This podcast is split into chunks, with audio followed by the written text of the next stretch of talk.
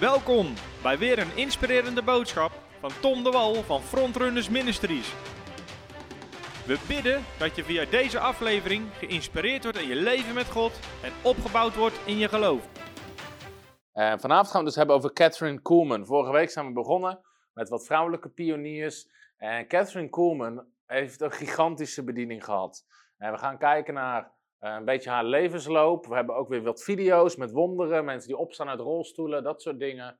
Um, en ik wil kijken naar een aantal lessen over haar leven. Ik zat trouwens in mijn boekenkast te snuffelen thuis. En ik heb nog, uh, ik heb iets van 700 of 800 boeken. Dus ik uh, soms even langer snuffelen. Maar ik heb nog twee boeken kunnen vinden van Catherine Kuhlman, die ik thuis nog had staan. Het zijn echt oude boekjes. De beste vrouw leeft ook al eventjes niet meer. Maar helemaal bomvol met genezingsgetuigenissen. De een naar de ander. Dus, uh, en dit ene boekje heet Ik geloof in wonderen. En dat was haar slogan. En dat riep ze ook altijd van het podium. I believe in miracles. I believe in miracles. En daar heeft ze uiteindelijk een gigantische bediening in gehad. Dus laten we kijken naar haar leven en een aantal lessen over haar leven. En uh, Catherine Coleman, we gaan straks, uh, je mag even de eerste foto laten zien. We gaan straks ook wat video's kijken. Uh, hier zie je Catherine Coleman, zoals altijd uh, in haar bediening had ze altijd een uh, witte jurk aan. ze is geboren in 1907 en leeft tot 1976. En ze is geboren op 9 mei in Amerika, in Missouri. En uiteindelijk toen ze 14 jaar oud werd, was, werd ze wederom geboren in een dienst bij, in een methodistenkerk. En daar werd ze opnieuw geboren. En over die beweging hebben we het gehad, over de Methodistenbeweging van John en Charles Wesley. En later ging ze naar een Baptistenkerk. En wat al uniek was in haar leven, ook later toen ze een gigantische bediening had, we gaan straks wat filmpjes erover kijken, wat denk ik ook wel een mooie les is of een mooi eigenschap. In die tijd dachten mensen nog heel erg sterk in denominaties. Dus van welke soort ben jij? Ben je baptist? Ben je methodist? Wat ben je? Ben je pinkster? Wat toen natuurlijk net opstond. En er waren een aantal bedieningen in die tijd, uh, waarvan Catherine Kuhlman er één van was, die zich weigerde bij een denominatie aan te sluiten. Ze weigerde te zeggen, ik ben baptist, of ik ben methodist, of een of andere andere ist, of tist, of orthodontist, uh, weet orthodontist, weet ik veel. Ze, ze weigerde gewoon om zich daarbij aan te sluiten. Ze zei, ik ben voor alle gelovigen. En dat was ook een van de redenen dat haar bedieningen zo groot groeiden, omdat mensen niet per se bij haar clubje hoefden te horen, want ze hoorden niet bij een clubje, om naar haar diensten te komen. En um, later uh, wordt haar eigen moeder, wordt trouwens wederom geboren uh, in een van haar eigen diensten. Nou, in het begin van haar bediening, en daar gaan we straks ook een van de lessen uithalen, in 19, vanaf 1930 uh, trouwt de zus van Catherine, Mirte, uh, met een evangelist, een jong evangelist die net afgestudeerd is van Moody Bible Institute. Moody uh, was in die tijd, en ik denk dat we over hem hebben gehad in de serie van The Great Awakenings, uh, had een gigantische bijbelschool waar heel veel mensen werden uitgezonden de bediening in.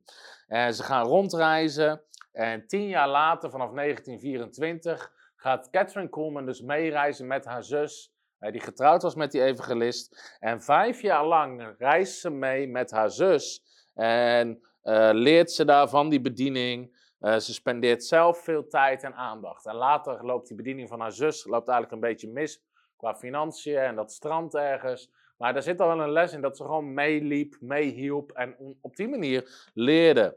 En uiteindelijk um, gaan haar zus en die evangelist gaan een bepaalde kant op. Uh, waar Catherine uh, niet mee kan. En dan scheiden die wegen. En dan zijn ze op dat moment bij een voorganger. En die biedt Catherine Coleman aan uh, om daar te blijven, om te prediken. En ze wist, ik heb een roeping op mijn leven, alleen ze wist niet hoe moet ik beginnen, waar moet ik beginnen. En die voorganger zegt zoiets van, joh, er is een lege hal bij het zwembad. En misschien kan je daar diensten gaan houden. En ze gaat dat doen en ze begint dus te prediken in een zwembadhal. En al snel uh, komen, de, komen de mensen en daarna gaat ze op verschillende plekken prediken. En in het begin komt haar bediening heel moeizaam op gang. Uh, heel veel armoede. Uh, ze is op dat moment nog gewoon alleenstaand. weinig kerken die voor haar openstaan.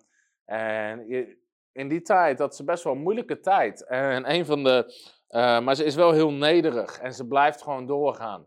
En er is zelfs een tijd dat ze op een bepaalde plek moet spreken. En dat ze niet weten waar ze moet slapen. En uiteindelijk is er maar één uh, gezin waar ze bij uh, thuis kan slapen. Maar die hebben geen plek in huis. Of, of dat ging op een of andere manier niet. Dus moesten slapen in het kippenhok. Uh, wat, ze, wat ze dus schoon moest vegen. En heeft ze dus gewoon een aantal nachten, of ik weet niet precies hoe lang, maar een tijd geslapen in een kippenhok. Om daar te kunnen prediken. Maar in die tijd ontwikkelt ze dus een enorme toewijding aan God. Um, en um, ze reist. Ik, lees van iemand dat mijn uh, microfoontje. Is die wel goed? Ik kan hem op mijn shirt doen. Dan beweegt hij niet mee met mijn jasje. Doe het even zo, want uh, mijn jasje beweegt natuurlijk. En mijn shirt, als het goed is, minder. Dus ik hoop dat dat helpt. Um, maar in die tijd ontwikkelt ze dus een enorme toewijding aan God. Uh, omdat ze zelfs eens bereid is om een langere tijd gewoon in een kippenhok te slapen om te kunnen prediken. Uh, een ander iets is op een gegeven moment breekt ze aan been met schaatsen. En de dokter zegt je mag er absoluut niet op staan. Maar ze weigert om diensten te stoppen uh, vanwege een blessure. Dus dan predikt ze gewoon met een gebroken been waar ze op staat. Omdat ze het belangrijker vindt om het evangelie te prediken. Nou, en dan zie je eigenlijk dat de geest van God begint al machtig te werken in haar bediening. Alleen ze functioneerde voornamelijk als evangelist. Doop in de geest, heilige geest kenden ze niet. Ze predikt gewoon over Jezus en deed oproepen voor mensen om tot Jezus te komen. Nou, reist ze door naar uh, Colorado en daar breekt dan een opwekking uit van zes maanden lang. Uh, waar heel veel mensen tot geloof komen. En daarna gaat ze door naar Denver, waar ook vijf maanden lang opwekking is. En um, dat ware huis wat ze daar huurt voor haar samenkomsten, dat um, uh, na vijf maanden wil ze daar stoppen. Uh, dat zit iedere dag afgeladen, maar ze heeft, uh, dan wil ze daar stoppen met die meetings. Maar die mensen willen dat ze blijft en die zeggen, joh, we kopen zelfs het gebouw voor je. Dus al die mensen die zo graag willen, die kopen dat gebouw voor haar, zodat, zodat ze gewoon daar blijft en doorgaat met die diensten. En um, uiteindelijk is ze daar dus een tijdje. Dan, dan op een gegeven moment overlijdt haar vader, waar ze het heel lastig mee heeft, waar ze het heel moeilijk mee heeft. En ze een tijdje een beetje terugtrekt. Um, uh, en, uh, maar ze blijft daar wel in Denver, die diensten en die beweging van de geest van God uh, blijft daar gaande. En, um, en dat is eigenlijk ook haar eerste kerk, waar ze vier jaar lang, zes dagen per week diensten doet. En 2000 mensen iedere dag komen daar naartoe. Dus ze heeft in die tijd al een kerk van 2000 mensen die iedere dag samenkomen naar die diensten. Dus, uh, en omdat ze daar de voorganger was, nodig ze ook andere sprekers uit. En dat is eigenlijk voor het eerst dat daar mensen komen die over genezing beginnen te prediken. Wat voor haar dus nieuw was. En wat op een gegeven moment ook een nieuwe dimensie in haar bediening vrijzette. En, en hier gebeurt iets in haar bediening. Dus je moet even nagaan. Ze is, wordt eigenlijk al groot gebruikt door God. Ze heeft een gigantische kerk voor die tijd. Er is een beweging van de geest. Iedere dag komen er 2000 mensen. En dan maakt ze eigenlijk een gigantische fout in de bediening. Uh, want in 1935 komt er een evangelist in haar kerk prediken. Uh, de man heette Burroughs A. Waltrip. En uh, het was een knappe, jonge evangelist, maar hij was getrouwd en hij had al twee kinderen. En er gebeurt er iets tussen Catherine en die evangelist dat ze verliefd worden op elkaar. Of daar ontstaan gevoelens. Maar die evangelist, uh, die wilde heel graag, omdat Catherine zo enorme beweging had van God en zoveel mensen, en zijn eigen bediening stroef liep, lastig was qua financiën, wilde hij heel graag aansluiten bij de bediening van Catherine. Gewoon vanwege de succes wat daar al was. Uh, dus hij ging terug naar huis en hij scheidde van zijn vrouw en hij kwam terug bij Catherine. En hij zei tegen Catherine, mijn vrouw heeft me verlaten, ze heeft me achtergelaten. Dus hij deed voorkomen alsof hij er niks aan kon doen. Terwijl in werkelijkheid had hij zijn vrouw verlaten en zijn vrouw niet hem. Uh, maar Catherine wist dat niet. Uh, en ergens, achteraf zegt ze, ik wist ergens in mijn geest dat ik het niet had moeten doen. maar uiteindelijk, hij weet haar te overtuigen van zijn onschuld. Dat het bijbels geoorloofd is om te trouwen. en ondanks dat Catherine gewaarschuwd wordt door verschillende mensen, besluit ze toch om het te doen. En ze trouwt met hem.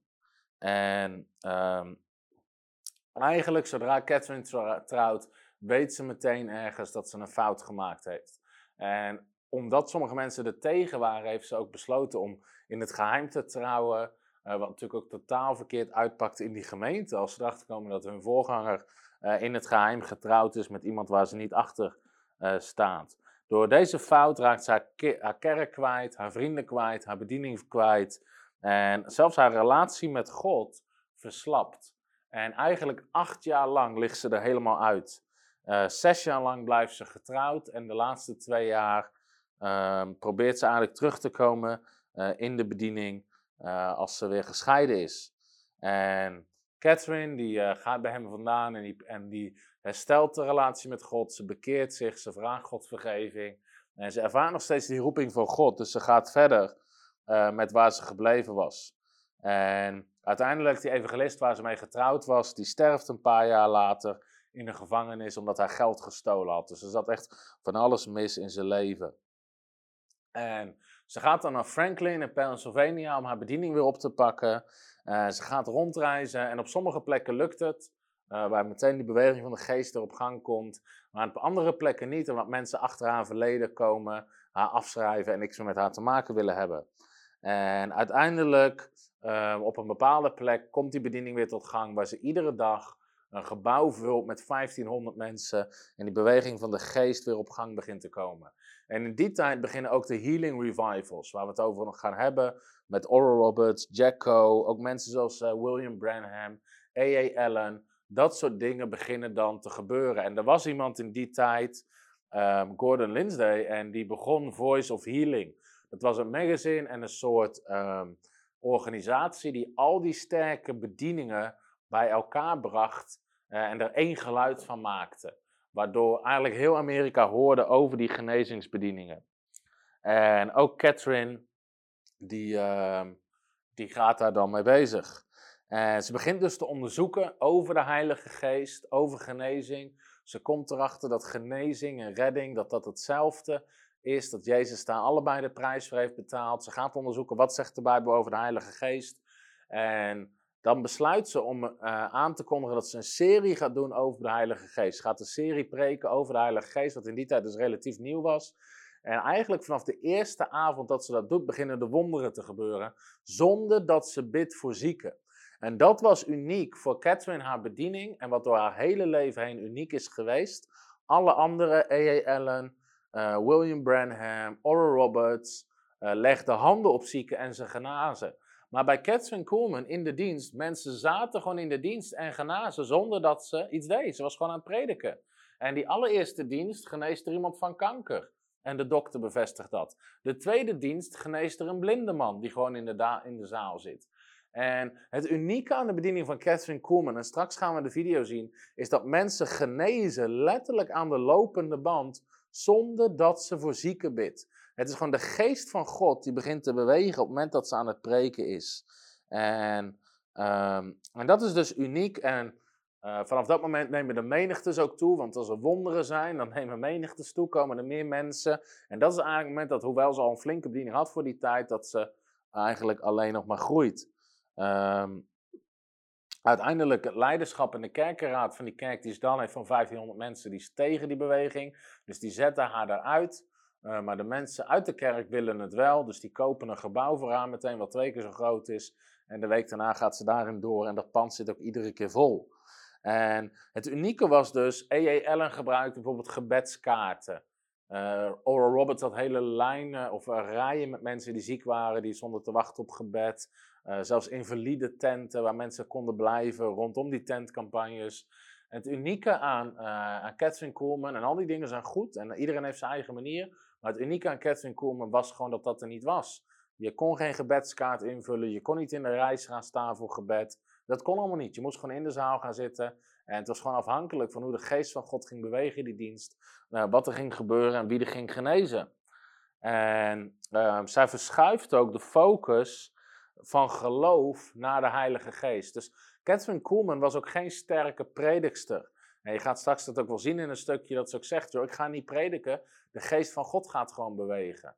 En we hebben prediking nodig, absoluut, maar dat was niet haar gave om sterk te prediken.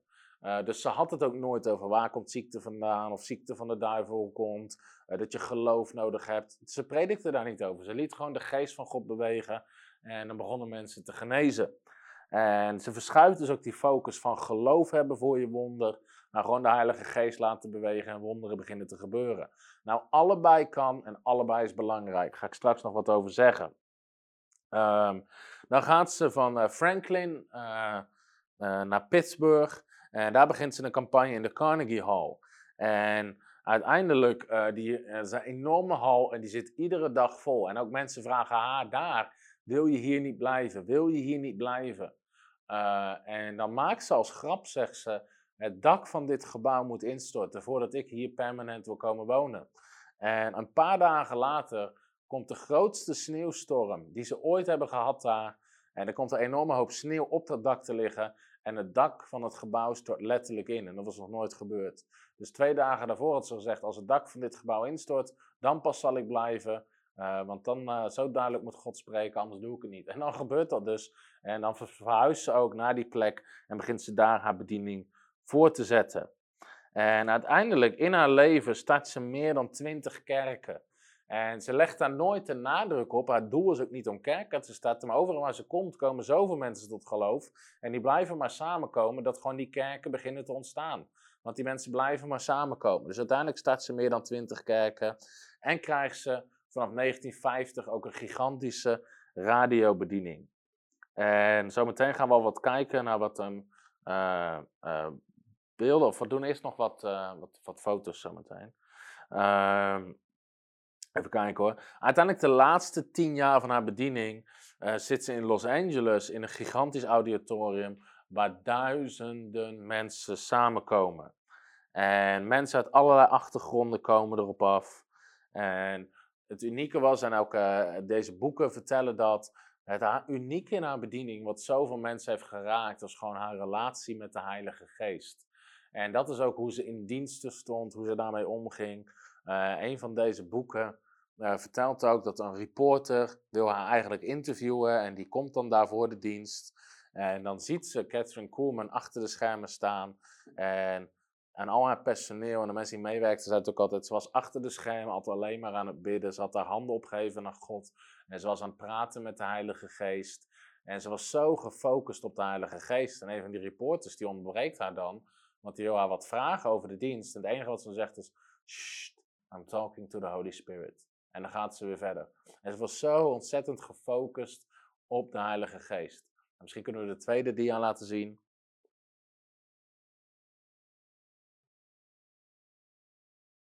En hier zie je de prediken uh, of in de zaal staan.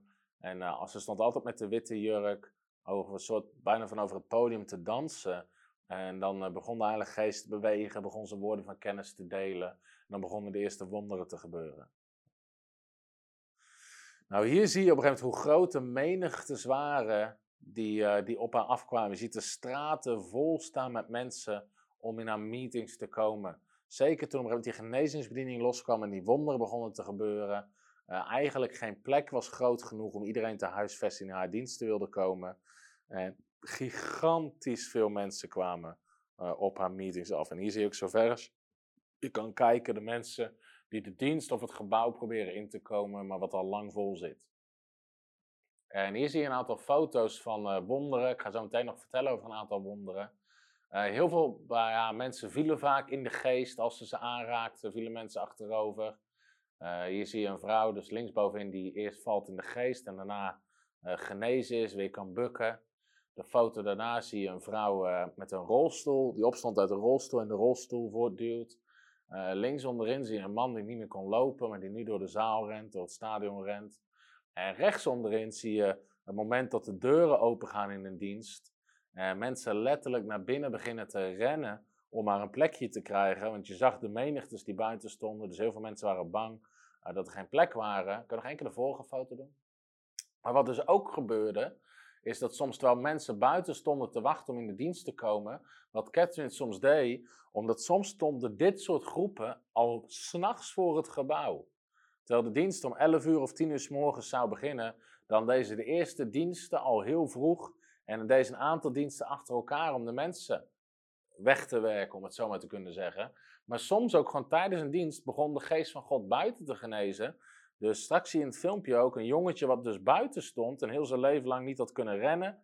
Uh, wat in één keer de geest van God raakte, maar hij begint te rennen. En als dat soort getuigenissen buiten ontstonden, dan brachten ze die mensen naar binnen om alsnog in het stadion uh, te kunnen getuigen. Dat is de volgende foto. Uh, hier zie je nog een enorme hal die helemaal vol zit voor haar diensten. Eigenlijk gewoon gigantisch, duizenden mensen. Hebben we nog een foto? Ja, uiteindelijk is dit de hal waar ze ook heel veel diensten heeft gedaan. En ehm, ja, het is gewoon even een beeld te geven hoeveel mensen op een gegeven moment op haar diensten afkwamen. En hoe gigantisch groot het was. Dat was de laatste foto ook, hè? Ja. En uh, een van de dingen, uh, dus die mensen beginnen te genezen, duizenden, duizenden mensen uh, komen. En het waren grote wonderen die gebeurden. Mensen die vanaf hun geboorte niet hadden konden lopen, gingen weer lopen. Mensen staan aan de lopende band op uit rolstoelen. Uh, kanker verdween, tumoren vielen van mensen af, blinden konden zien, doven konden horen. En het bijzondere hieraan is dus dat het was geen spektakel in de zin van hoe, ze, hoe ze dingen deed. Het was geen Amy Sample McPherson die er een hele show van maakte. Soms stond ze ook gewoon te wachten. Dus in zo'n dienst, je moet je voorstellen, zo'n stadion met zoveel mensen. En uh, kan je nog één keer die foto doen van die allergrootste dienst? Je moet je voorstellen dat ze dus voor zo'n stadion stond met zoveel mensen. En dat ze soms gewoon stond te wachten. Gewoon stond te wachten. En uh, ik hoorde een keer het, uh, een verhaal over een. Die man, toen ik hem sprak, was die 82. En die was dus geweest in Amerika van diensten van Catherine Coleman. En hij was zelf ook een prediker. En op een gegeven moment was hij dus op een conferentie waar hij moest spreken, maar ook Catherine Coleman. En op een gegeven moment was het ook dus zo'n soort samenkomst. En hij had allemaal verhalen gehoord van Catherine Coolman en de wonderen. Dus hij vertelt dat hij daar op het podium zit bij de andere voorgangers en sprekers. En dat uiteindelijk Catherine Coolman kon spreken. En hij had allemaal verhalen gehoord van mensen die op de lopende band opstaan uit rolstoelen. Dus hij had echt een spektakel verwacht van prediking en geloof. En, en dat ze mensen uit rolstoelen zou trekken. En uiteindelijk komt dus Catherine Coolman tijdens of na de aanbidding het podium op. En ze loopt gewoon rond. En ze wacht. En ze staat. En hij vertelde dus dat hij in die dienst zat en diegene naast hem aantikte van, joh, wat is dit? Uh, gaat er nog wat gebeuren? En diegene naast hem zei dan, just wait, just wait, just wait. En, en hij dacht, nou, oké, okay, weet je wel, wachten maar. En soms ook gewoon een tijd, als Catherine Coleman nog niet ervoor dat de geest van God bewoog, stond ze gewoon te wachten. Soms zei ze wat dingen, soms zong ze nog een lied, maar ze was gewoon aan het wachten. En hij vertelde dat hij in die dienst op een ook verveeld raakte en dacht van, joh, wat is dit voor show? Uh, weet je wel, we willen iets zien, we willen iets zien. En dan uh, dat diegene naast zei, wait, wait, be patient. En uiteindelijk dat ze in één keer zei, the Holy Spirit is here. En dan begon ze te wijzen en dan zei ze in die hoek, daar geneest iemand. In die hoek, daar geneest iemand. Iemand geneest van kanker. Iemand staat op een... En dan was het alsof de geest van God door de zaal ging. En uiteindelijk dat de een naar de ander genas. Mensen stonden letterlijk uit de lopende band op uit rolstoelen. Ook als je de video's ziet, uh, dat ze constant moet vragen van wie is die rolstoel, van wie is die rolstoel, van wie is die rolstoel. Omdat er gewoon rolstoelen opgestapeld staan op het podium, waar mensen allemaal uitgestapt zijn. En die man die vertelde dus ook, die mij dat vertelde van, op een gegeven moment toen het eenmaal begon te gebeuren, toen, uh, toen zat hij op het puntje van zijn stoel, want toen was het wel een spektakel. Maar tot die tijd was ze gewoon aan het wachten, totdat de geest van God bewoog. maar ze predikte dus gewoon heel weinig. Ze was altijd bidden, wachten op de Heilige Geest. En ze zei ook altijd: Ik sterf duizend keer voor iedere samenkomst. Iedere keer voordat ze op het podium opliep, was ze alleen maar aan het bidden, aan het bidden, aan het bidden, afgestemd op de Heilige Geest. En als ze dan op het podium stond, dan begon de Geest van God te bewegen. En, en we gaan het zo meteen zien, maar mensen stonden aan de lopende band op uit rolstoelen. Kankers vielen van mensen af, gigantische wonderen. Verlamden liepen duizenden genazen. Uh, zometeen zien we. Uh, waren een, paar verhalen, maar een jongetje van vijf wat verlamd was vanaf zijn geboorte, wat nooit had kunnen lopen, begon te lopen. Een vrouw die twaalf jaar een kreupel in een rolstoel zat, genas. Uh, een man met een pacemaker, uh, die voelde enorme pijn in zijn borst en brandde tijdens de dienst. En die dacht, wat is dit? Krijg een hartaanval, maar er, verder gebeurt er niks. Hij gaat terug naar zijn dokter, ze maken een x-ray en de pacemaker is weg en hij is totaal genezen. Die pacemaker was gewoon door het vuur van de geest uit zijn borst gebrand in die dienst en hij was totaal genezen. Letterlijk tumoren die van mensen gewoon afvielen in de dienst. blinden die gingen zien, doven die gingen horen. Dat, dat was het kaliber wonderen wat gebeurde. Nou, je gaat zo meteen ook zien in de video. Het was anders als A.A. Allen. Die handen legde op mensen, demonen uitdreef. Ehm, soms zijn de diensten van Koolman minder spectaculair, omdat je ziet haar nauwelijks bidden voor mensen. Je ziet haar gewoon staan in de dienst, wachten tot de geest. En mensen kwamen zelf al aanlopen met hun rolstoel. Het enige wat je constant hoort zijn de getuigenissen. Wat je terug hoort. Nou, uiteindelijk predik ze dus tegen 20.000 mensen, uh, of meer dan 20.000 mensen. Uh, soms uh, er waren meetings die om 11 uur s morgens zouden beginnen, waar 15.000 mensen in konden. Ehm, maar om 4 uur s'nachts stonden er al 18.000 mensen voor de deur. En dat was dus die foto van al die mensen die voor de deur stonden. Kun je nog één keer zien? Dus deze dienst zou om 11 uur s morgens beginnen. En er konden 15.000 mensen in. Maar om 4 uur s'nachts stonden er al 18.000 mensen voor de deur te wachten op de dienst. En uiteindelijk liet ze de eerste diensten dan maar beginnen om 8 uur s morgens. En liet ze ze doorgaan tot half drie s'nachts, zodat alle mensen uiteindelijk aan bod kwamen.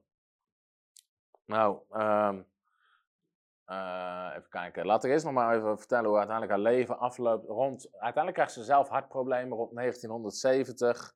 Uh, raakt ze enorm. Uh, en uiteindelijk bouwt zich dat op en tot 1975 uh, waar dat steeds intenser wordt. En ik weet niet precies waar dat mee te maken heeft, maar ik denk ook de enorme druk van bediening. Dus als je, ze wisten vaak al dat op midden in de nacht uh, mensen stonden te wachten, dan deze dus diensten van 8 uur s morgens tot half drie s'nachts. Uh, gewoon een gigantische druk die de bediening uh, met zich meebracht. En uiteindelijk op 16 november 1975 doet ze haar laatste miracle service. En dan drie weken later ligt ze in het ziekenhuis omdat ze een open hartoperatie krijgt. En um, Oral en Evelyn Roberts, van Oral Roberts en zijn vrouw, die komen nog om voor haar te bidden voor genezing. Maar als ze komen, dan weigert ze dat en wijst ze naar boven. En maakt ze duidelijk, het is tijd dat ik naar huis ga. En wil ze naar huis. En uiteindelijk sterft ze op 20 februari 1976 in het ziekenhuis als ze 18, of, 18, 68 jaar oud is. En uiteindelijk, ze noemde zichzelf altijd doodnormaal. Dus ik ben, altijd, ik ben een doodnormaal, ik ben een heel normaal persoon. Maar ze werd echt bijzonder uh, door God gebruikt. Ik wil zo meteen een paar lessen uit haar leven nog delen met je, wat wij ervan kunnen leren. Uh, maar laten we eerst naar de video gaan kijken. En de video zijn dus een aantal getuigenissen. Uh, een jongetje wat nooit heeft kunnen rennen, wat begint te rennen. Een vrouw wat doof is aan één oor, wat weer kan horen. Een vrouw waar, twee, waar haar knieën letterlijk van verwijderd zijn die helemaal niet kon lopen, die er niet eens op kon staan, die weer begint te lopen. Een, een, katholieke priester die twaalf jaar verlamd in een rolstoel zat, al twaalf of zestien of zo, um, die weer kan lopen. Dat soort wonderen zie je langskomen. Ja. Praise. We could begin even now with the healing of sick bodies. I shall not speak tonight. I shall not preach. If you came expecting a sermon, you've had the greatest teaching in the world here in this clinic. You've had the finest teaching anywhere in the world. You've been a privileged people. You've had marvelous teaching and glorious preaching. Tonight I believe that the Holy Spirit is pleased to give of Himself. It's one thing to teach of the power of the Holy Spirit. It's one thing to preach regarding the mighty third person of Trinity, but it's another thing to see His power in action. Whose wheelchair is this? Well, well, well, all right, I'll get this. What is this over here? Polyneuritis legs. Just totally disabled from a ministry. You, uh, wait, totally Disabled. Which leg? All below.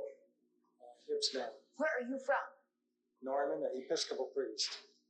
An Episcopal priest. I don't know if I can touch it. Pick them up. Just pick them up. Just pick them up. Just pick them up. Now the other. Just pick them up. Now the other one. Just pick them up. Just pick them up. How long have you had this? About 15 years, but it's been progressive. 15 years. Just pick them up right now. Now, uh, yeah, that's right. That's right. That's it. That's it. That's it. That's it. There's the power of the Holy Ghost that is going through this body. We give you the praise. Before she'd ever And get out of the has been wheelchair, it was the knee. They removed the entire knee. The entire knee has Yes. been removed. It's like I, I had a uh, Which broke knee? My right knee. I can't bend it, but it, it, it doesn't hurt. And I couldn't walk before I came today without my crutches. And, and this is what you were wearing to be able to walk. It attached into my shoe and it came full length up into my to my hip. Attached to your shoe and, and all the way up. I have a metal piece down in my shoe that it clicked into. Walk across there now. Walk across there now. And you mean that was impossible? The whole kneecap has been removed. Give her a great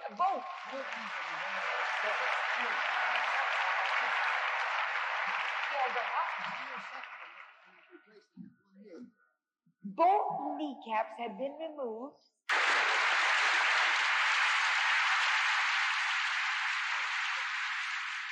This is oxygen. This man has a hole in his heart. Did you ever go to a church service where they had an oxygen tent? What, what do you call it? An oxygen what? What, doctor? A what? An oxygen tent. He cannot, he cannot live without it.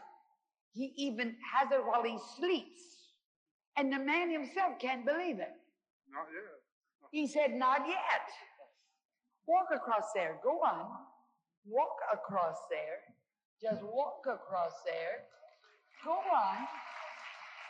Go on. Come on.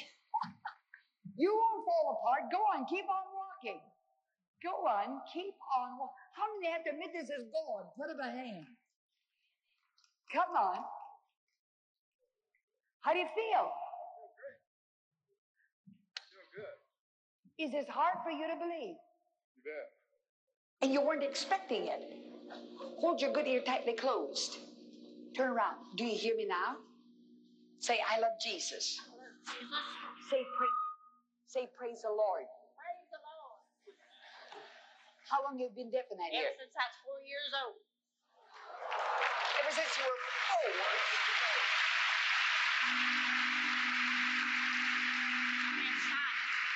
And how many years ago that's been is nobody's business. Really? Yeah, four years old. I have since. Come, the minute that you find out you, whose wheelchair is this? Wh- Which one? You would never have known. What is it? arthritis in knees, legs, and she hadn't been able to walk for steadily for 16 years. Well, almost six years.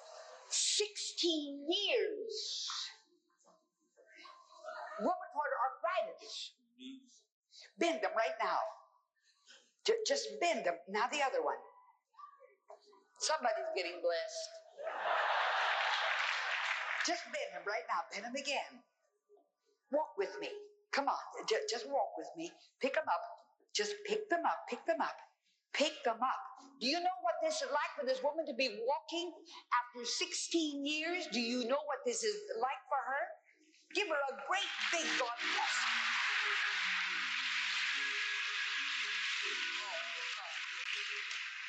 What is this? Little boy's had muscular dystrophy for four years. He has never ran before. And he was doing your preaching outside right. He ran down. He ran down the hall while you were preaching. And we were out in the vestibule. He just started running down the hall. I've never Couldn't seen. wait. I couldn't see him run before in all my whole life. How old is he? Four. My grandson. Run. He's your grandson. Run, honey. Show him how good you can run. Come on, let's go, kid. Come on, come on, come on, come on, come on, come on. Run.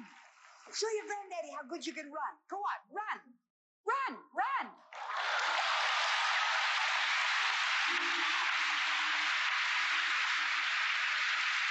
He's your grandson, and you have never seen him run.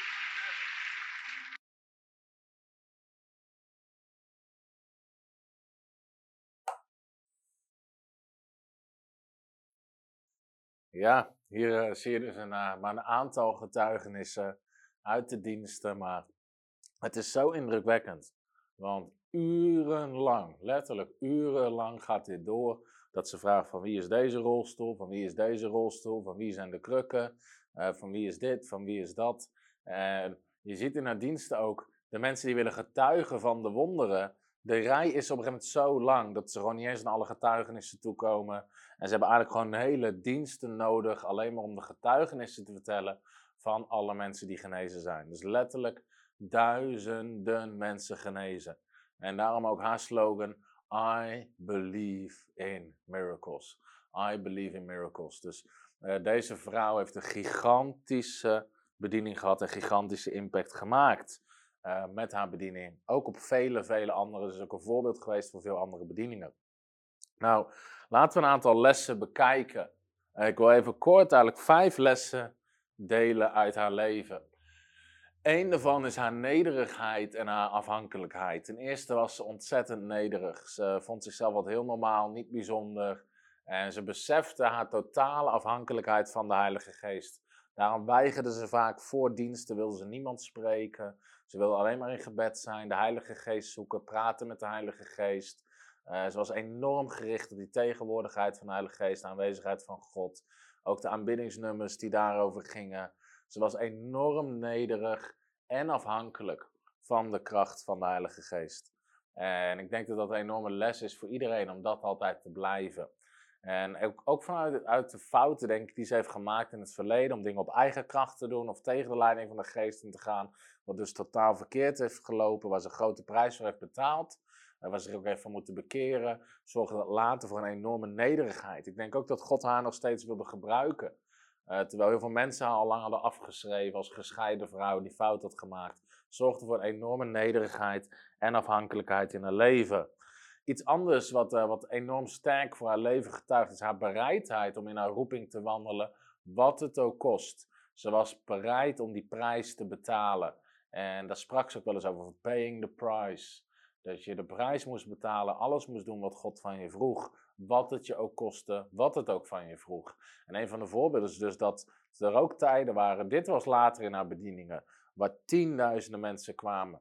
Maar vroeger en eerder in haar bediening, als ze uh, hoewel ze in armoede heeft geleefd, waarvan ik niet geloof dat de bedoeling is in het plan van God, maar het zegt wel iets over haar bereidheid. En um, ook gewoon dat ze dus gewoon bereid was om een tijd in een kippenhok te slapen, als dat er wel voor zorgde dat ze kon prediken en mensen tot Jezus kon leiden, deze dat graag, hoorde je er nooit over klagen.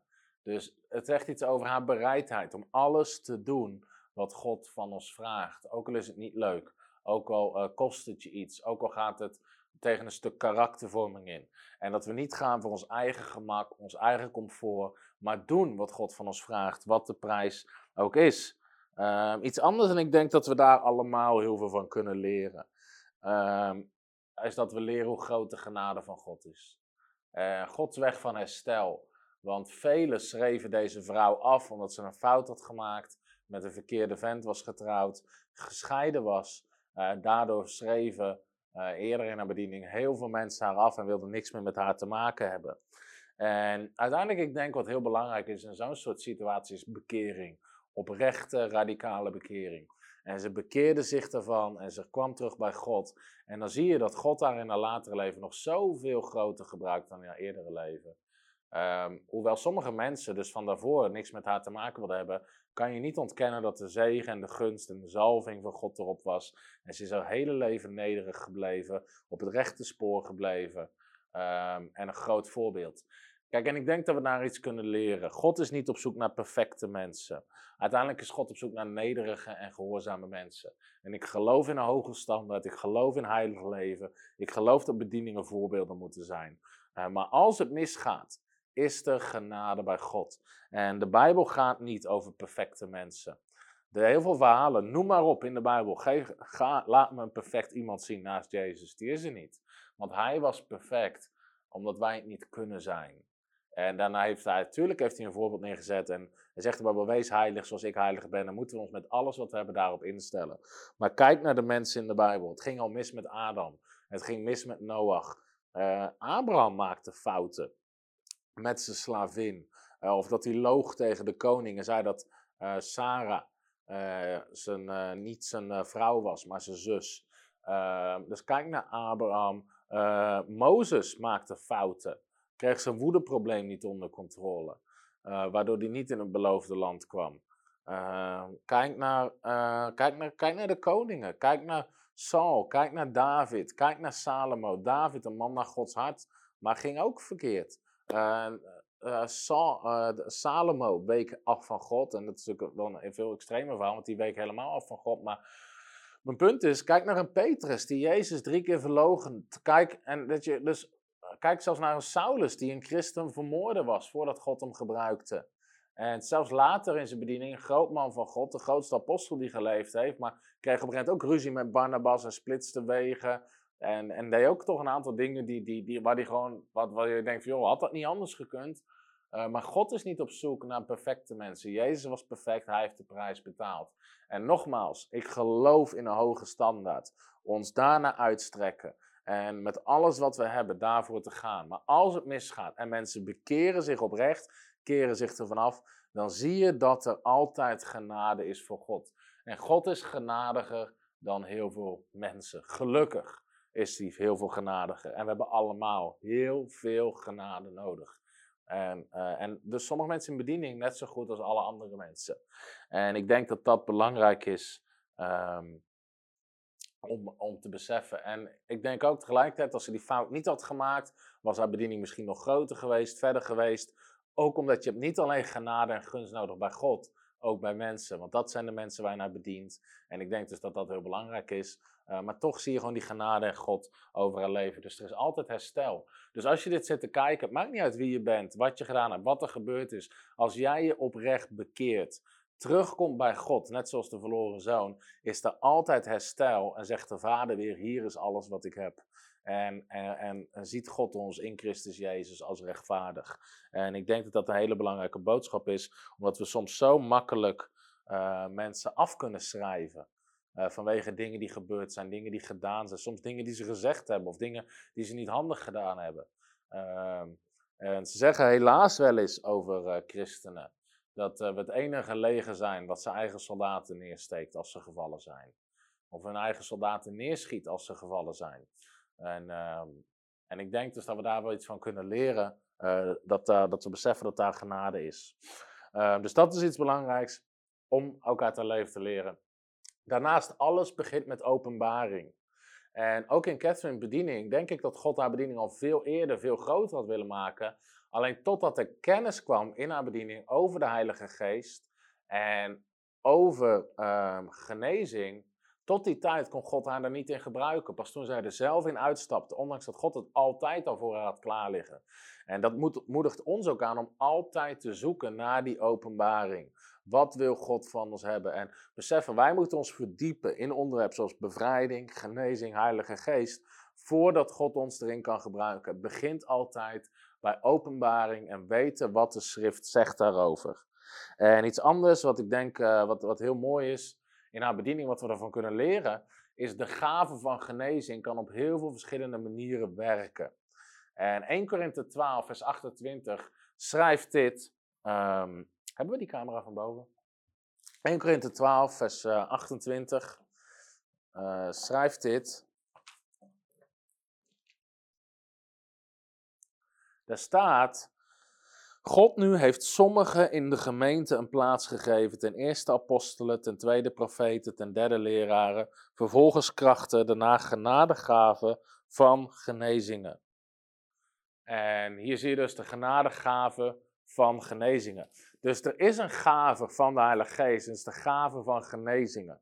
En die gave van genezingen kan zich op heel veel verschillende manieren manifesteren. En de ene kant is gewoon, de Bijbel zegt in Marcus 16, vers 17, leg handen op zieken en ze zullen genezen. En heel veel gelovigen zullen gewoon daarin functioneren. Maar tegelijkertijd geeft God aan zijn lichaam in de gemeente, in het lichaam van Christus op aarde, gaven van genezingen. Die op hele andere manieren kunnen werken dan alleen handen leggen op zieken. En dat zie je ook als je die verschillende genezingsbedieningen naast elkaar bekijkt. Waar een E.E. Allen enorm predikte en handen legde op zieken en demonen uitdreef, was dat een manier zoals het functioneerde bij hem. Eh, een Oral Roberts, eh, die ook constant, gaan we ook nog wel bekijken denk ik, als we de tijd voor hebben, handen legde op mensen. Weer een ander deed heel veel met woorden van kennis, zoals een William Branham. Weer andere, ehm, en volgens mij was dat trouwens Oral Roberts, als hij handen legde op zieken, en dan ervoer hij in zijn handen, of dat hij te maken had met een demon of gewoon met een ziekte.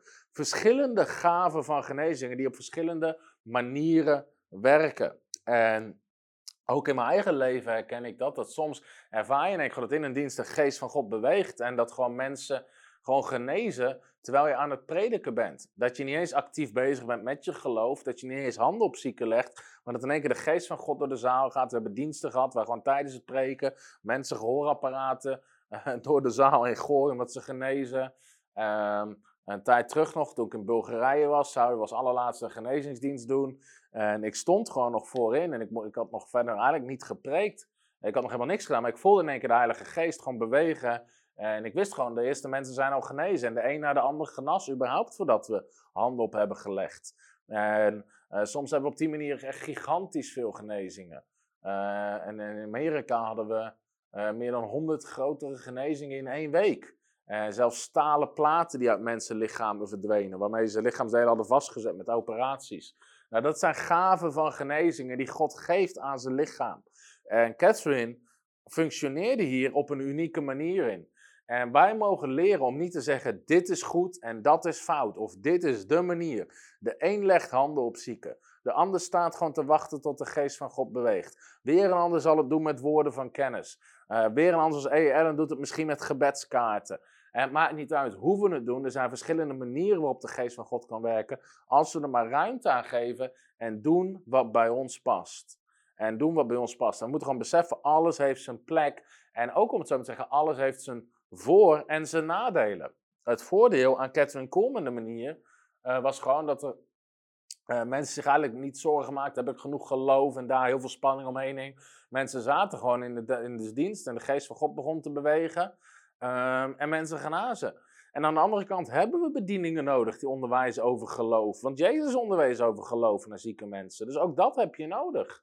En het nadeel weer aan de bediening van Catherine was dus ook dat mensen in die zin niet zelfstandig werden. Want als je in de dienst niet werd genezen, eh, dan kon het, weet je, zijn dat ook je hoop of je geloof weg was. Want het was niet zomaar gebeurd in de dienst. En terwijl mijn nieuwe boek Jezus aanraken, wat vanaf volgende week woensdag in onze webshop staat, gratis voor iedereen, ehm, gaat juist over hoe kan je gewoon genezing ontvangen waar je ook bent. Dat je niet per se naar een genezingsdienst toe hoeft, als je maar leert hoe je Jezus kan aanraken. Dus al die verschillende dynamieken kunnen op verschillende manieren werken. En ik wil zo meteen ook nog via de camera bidden voor zieke mensen thuis. Omdat we hebben zoveel getuigenissen. Een tijd terug hadden we een dove vrouw eh, in België die genas eh, toen, toen iemand haar die video liet zien en we via de camera baden. Vorige week kreeg ik nog getuigenis binnen van iemand die eh, naar de, naar de, naar de eh, tandarts moest voor een eh, nood. Want die had enorme kloppende pijn constant in de mond, een soort ontsteking. Maar ze wilde naar de tandarts, maar die was dicht vanwege corona. En ze konden niet terecht. En ze keek de video waarin we baden via het scherm. En thuis, woep, genas die pijn. Dus ik wil zo meteen ook dat je gewoon, als wat er ook is, strek je handen uit naar het beeldscherm. En ontvang gewoon de kracht van de Heilige Geest. Die zelfs gewoon via camera, via multimedia zal werken. Want uiteindelijk is het dezelfde Heilige Geest die overal op aarde is en jou kan aanraken en genezen van je pijn. En dat wil ik, zo, dat wil ik nu doen. Als er nog vragen zijn, kan je ze stellen. Maar ik wil nu bidden voor de zieken eh, die thuis zitten. Dus als je pijn hebt, als je ziek bent, wat het ook is, het maakt niet uit wat het is. Als je een allergie hebt. We gaan God geloven, we gaan God vertrouwen dat de Heilige Geest je aanraakt en dat je geneest thuis waar je bent. Ik zou zeggen, leg één hand uh, op je hart of op de plek waar je pijn bent of ziek bent. Strek je andere hand uit, gewoon om te ontvangen naar het scherm, waar je ook kijkt. En dan gaan we God bidden. En ik geloof dat God wonderen gaat doen van genezing. En dat mensen gaan genezen terwijl ze dit kijken, dat de Heilige Geest ze aanraakt, ook als je achteraf kijkt, dat maakt niet uit. En misschien dat je zelfs moet denken op dit moment aan iemand die ziek is en dat je deze video door kan sturen morgen en zegt, kijk dit en bid dit mee, want de kracht van de Heilige Geest is overal. En als de Geest van God je aanraakt en je geneest, uh, zou het heel gaaf vinden om dat te horen eh, stuur ons even een bericht via het contactformulier, want we hebben zoveel aan die getuigenissen. Jij bent net ook bemoedigd door de getuigenissen die we deelden. Uh, van die mensen die thuis genezen, dus willen dat altijd ontzettend graag horen. Dus op dit moment, in de naam van Jezus Christus. Dank u, Heilige Geest van God, dat u thuis, of waar mensen ook zijn, in hun auto, waar ze ook zijn, ze aanraakt op dit moment in Jezus' naam. En dat de kracht van de Heilige Geest en de kracht van God ze vrijzet van iedere macht van ziekte. Ik gebied ziekte te gaan uit je leven. Ik gebied pijn om los te laten, iedere geest van pijn. Every spirit of infirmity, geest van mensen die, elke geest van last en pijn, die mensen ook last en ik zie ruggen die vastzitten, die gewoon loskomen op dit moment. Nekken die vastzitten, schouders die vastzitten, door geesten van pijn, geesten van kwelling, zoals Jezus ze noemde bij de, bij de gebogen vrouw die een geest had die haar ziek maakte. Iedere geest die ziek maakt, laat los in Jezus' naam. Laat los in Jezus' naam. Bestraf ik de geest van kanker en kanker uit mensenlevens. Laat los in Jezus' naam. Dank weer dat bloed gezond wordt. Dat cellen gezond worden. Dat lichaamsdelen, dat, dat uh, gewrichten, spieren, organen gezond worden in de naam van Jezus. Magen gezond worden, levens gezond worden, nieren gezond worden. Harten gezond worden, hersenen gezond worden. In Jezus' naam. Iedere pijn wijkt. En de kracht van God op dit moment die je aanraakt. In de naam van Jezus Christus. In de naam van Jezus. Wees vrij en wees genezen. Als het gelooft, zeg je amen. En je doet wat je daarvoor niet kan. Je beweegt wat je daarvoor niet kon bewegen. En ontvang het wat God heeft uh, voor je leven. Amen. Ik ga even kijken of dat er nog uh, vragen zijn van mensen. Ik denk het niet. We hebben soms wat minder uh, vragen met dit soort uitzendingen. Als er verder geen vragen zijn, dan wil ik je echt van harte aanmoedigen. Vanaf volgende week woensdag komt mijn boek op onze webshop te staan. We zijn nu even bezig met onze website om wat sneller te maken, dat we alle bestellingen aan kunnen. Maar je kan hem gewoon gratis bestellen. Je kan ook meerdere exemplaren gratis bestellen. En je kan zelfs een hele doos gratis bestellen. Als je maar weet al aan wie je ze uit wil delen. Dus als je zegt, ik ga hem uitdelen in mijn kerk. Ik ga hem uitdelen aan al mijn christelijke vrienden. Willen we je zelfs een hele doos toesturen. Uh, maar je moet ze wel uitdelen. En ik wil je echt aanmoedigen om het boek te lezen, uit te delen. En ik geloof dat het een gigantische impact heeft.